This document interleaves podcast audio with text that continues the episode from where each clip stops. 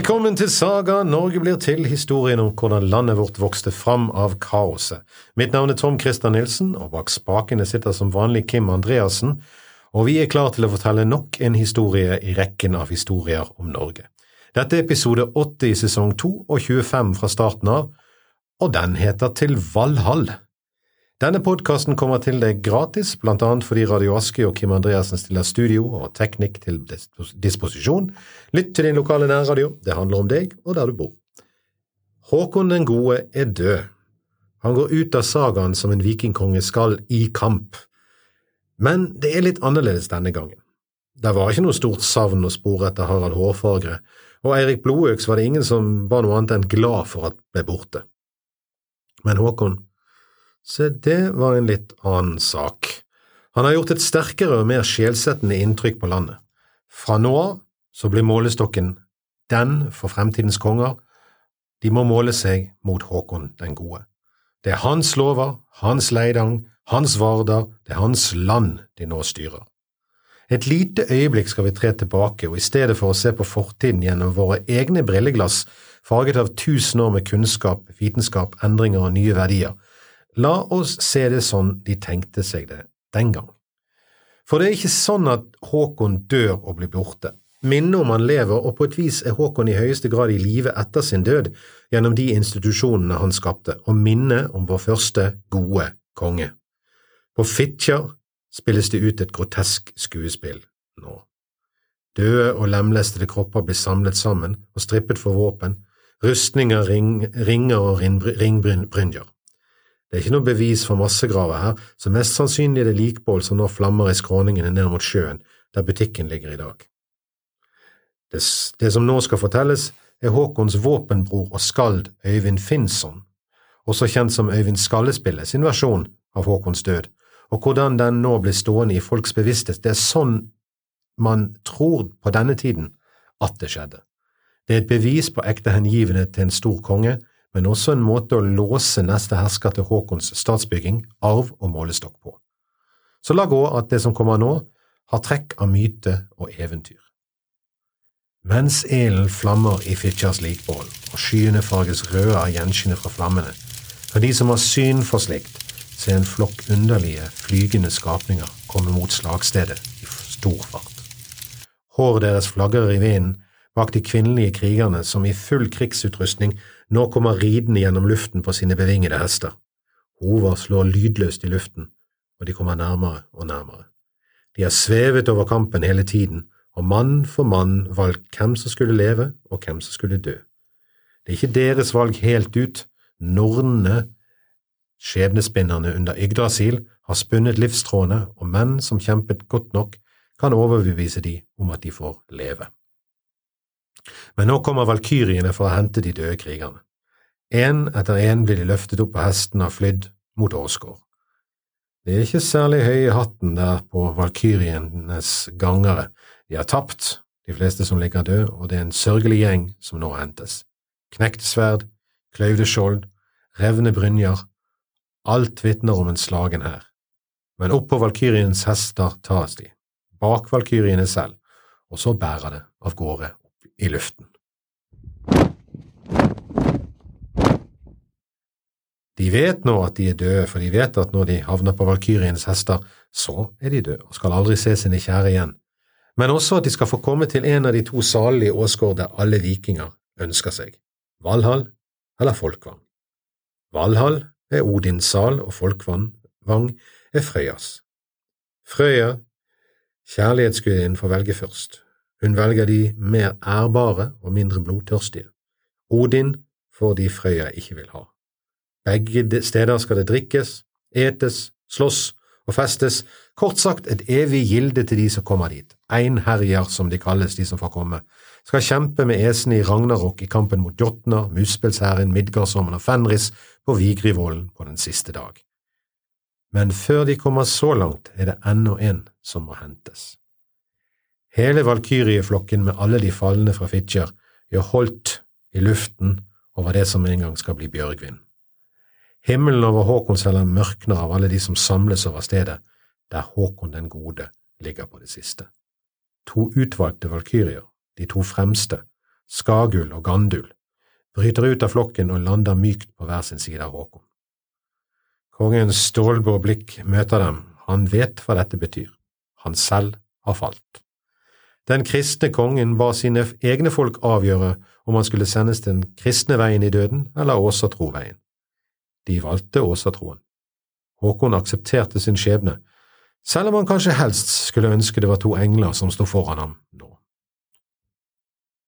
Gandul så tilbake på Håkon og løftet blikket mot alle de mange valkyriene som svevde over dem med sine passasjerer.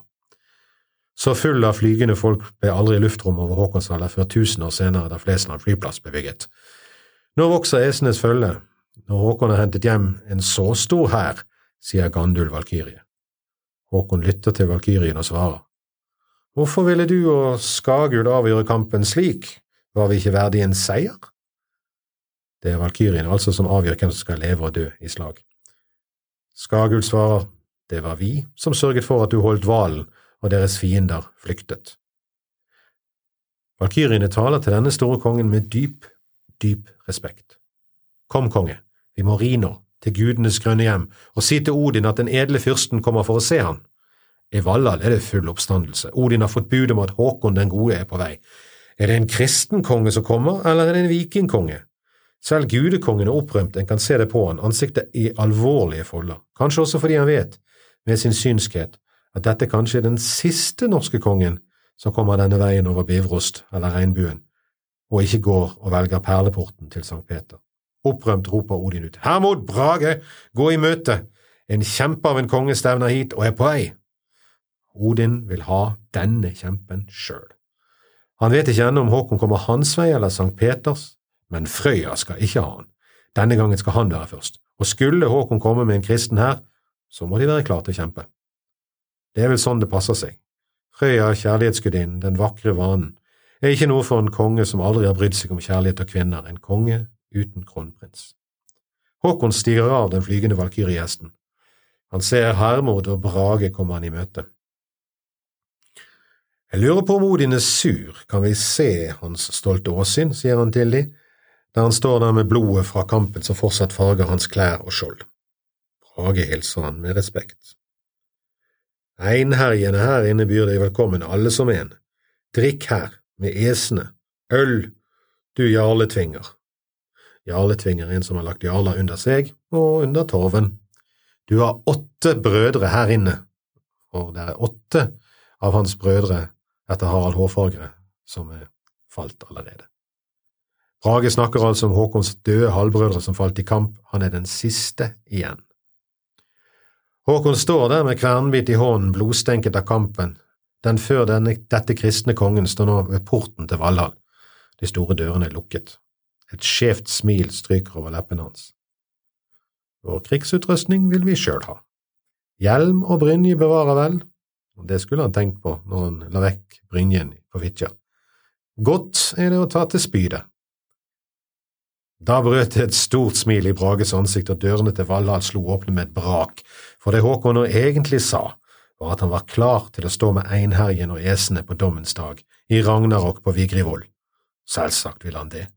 Denne store kongen ville være med når kampen mellom god og ond, orden og kaos, Fenris og Thor skulle stå.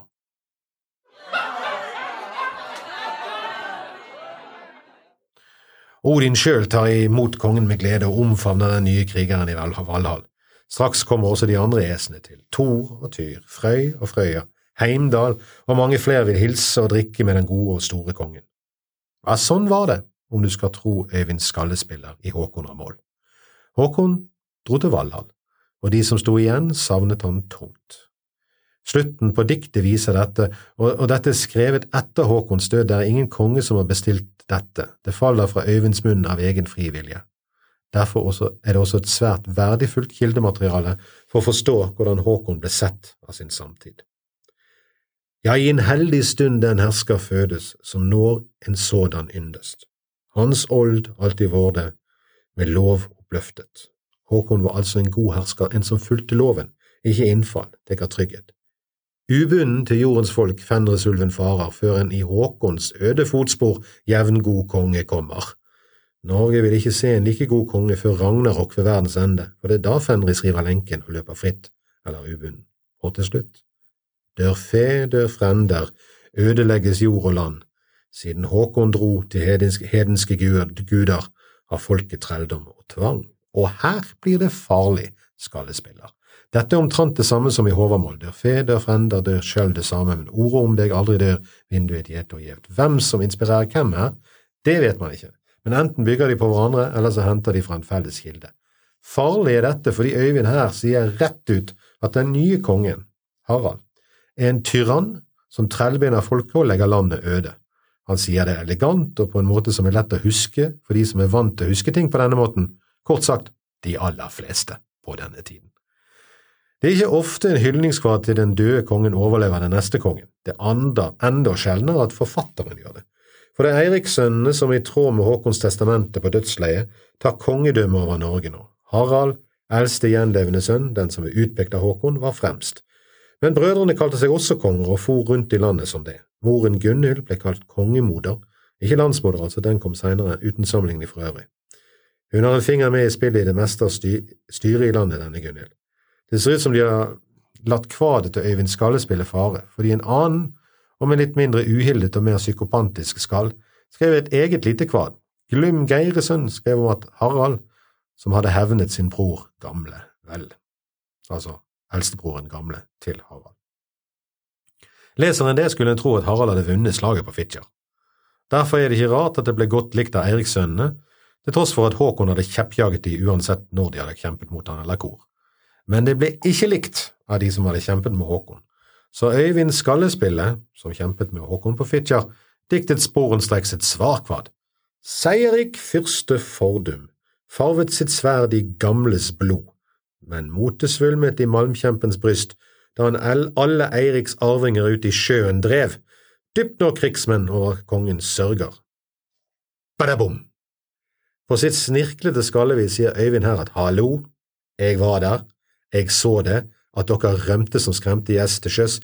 Kom ikke her og skryt på dere seire dere aldri vant, løgnere og feiginger.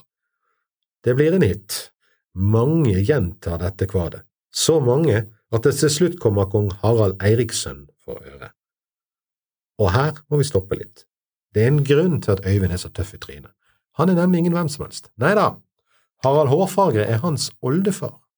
De to som stirrer hverandre i hvitøyet nå, er altså barnebarn og oldebarn av Harald Hårfagre, for kong Harald, den nye kongen, har kalt Øyvind inn.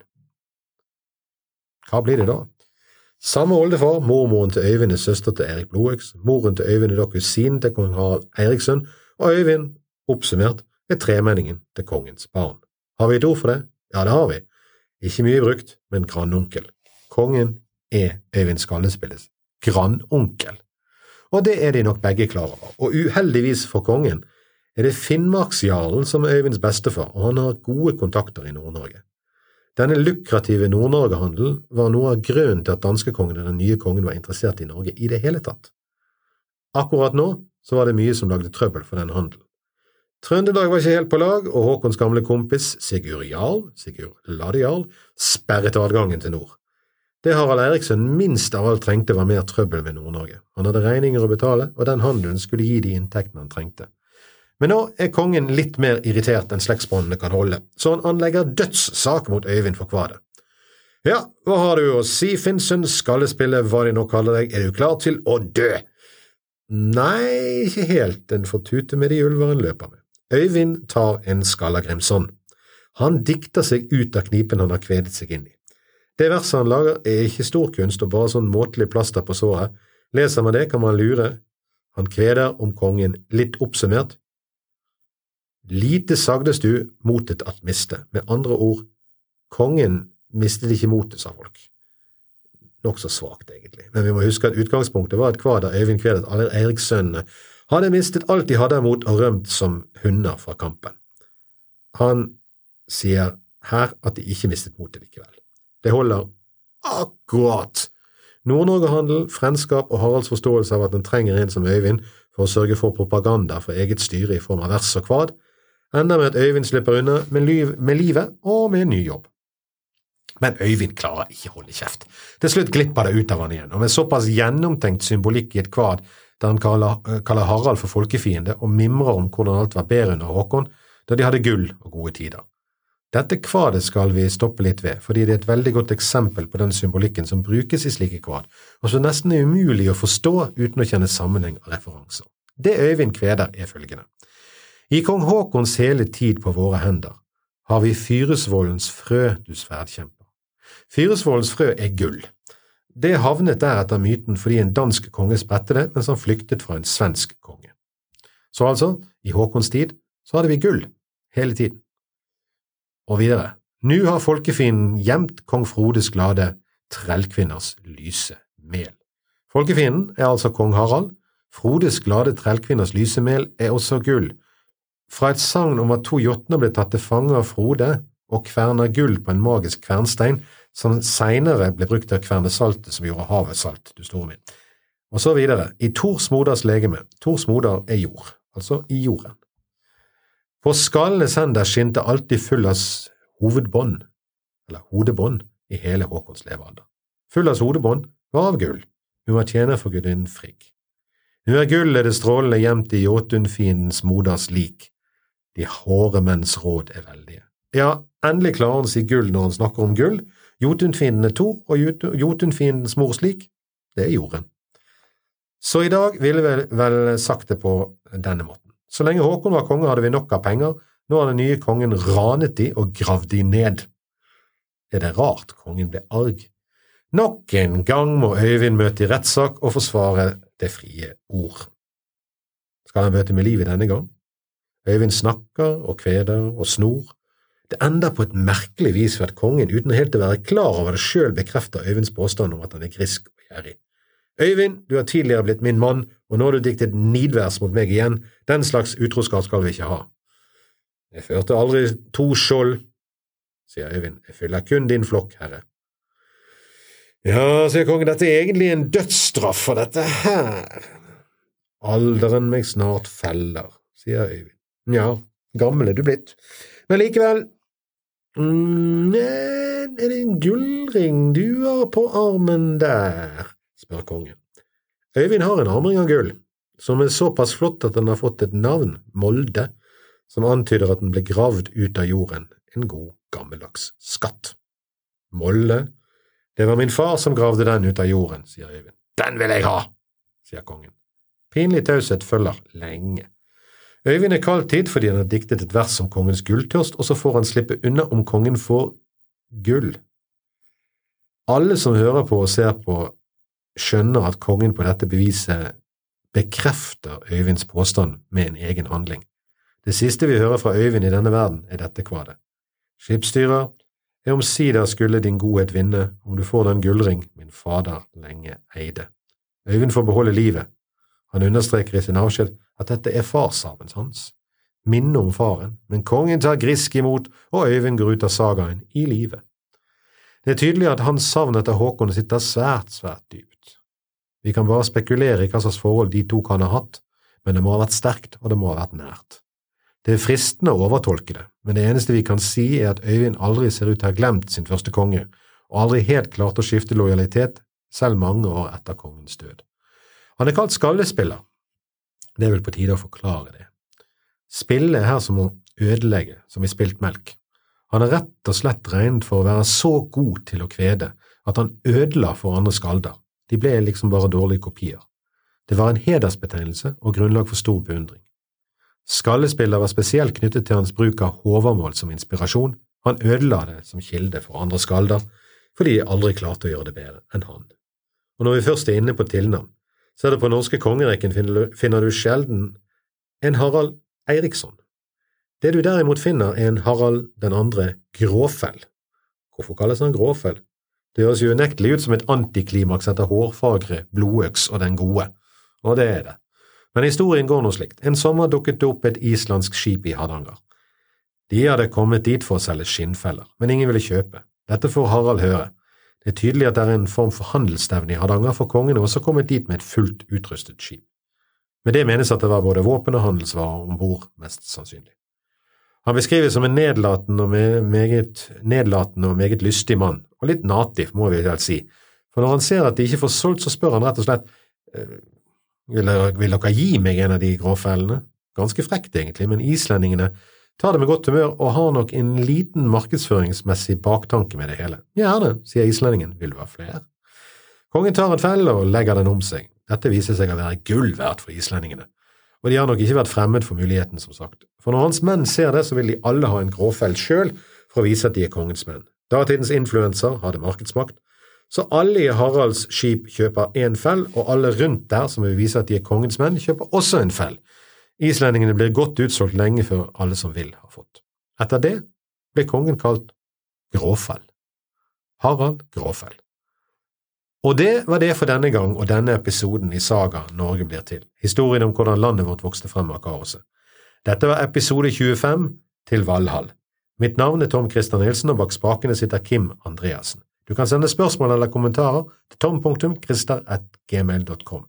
Neste gang skal vi høre om hvordan Harald Gråfell og hans mor og brødre steller det til. Deres første problem er Trøndelag. Sigurd Jarle er ikke begeistret for Gunhild, og enda mindre begeistret for sønnene, og enda mindre begeistret for den faren de hadde. Og i tillegg er de kristne. Fy for skam, tenker blotegeneralen i Trøndelag. Men før det, et vers fra Håvamål.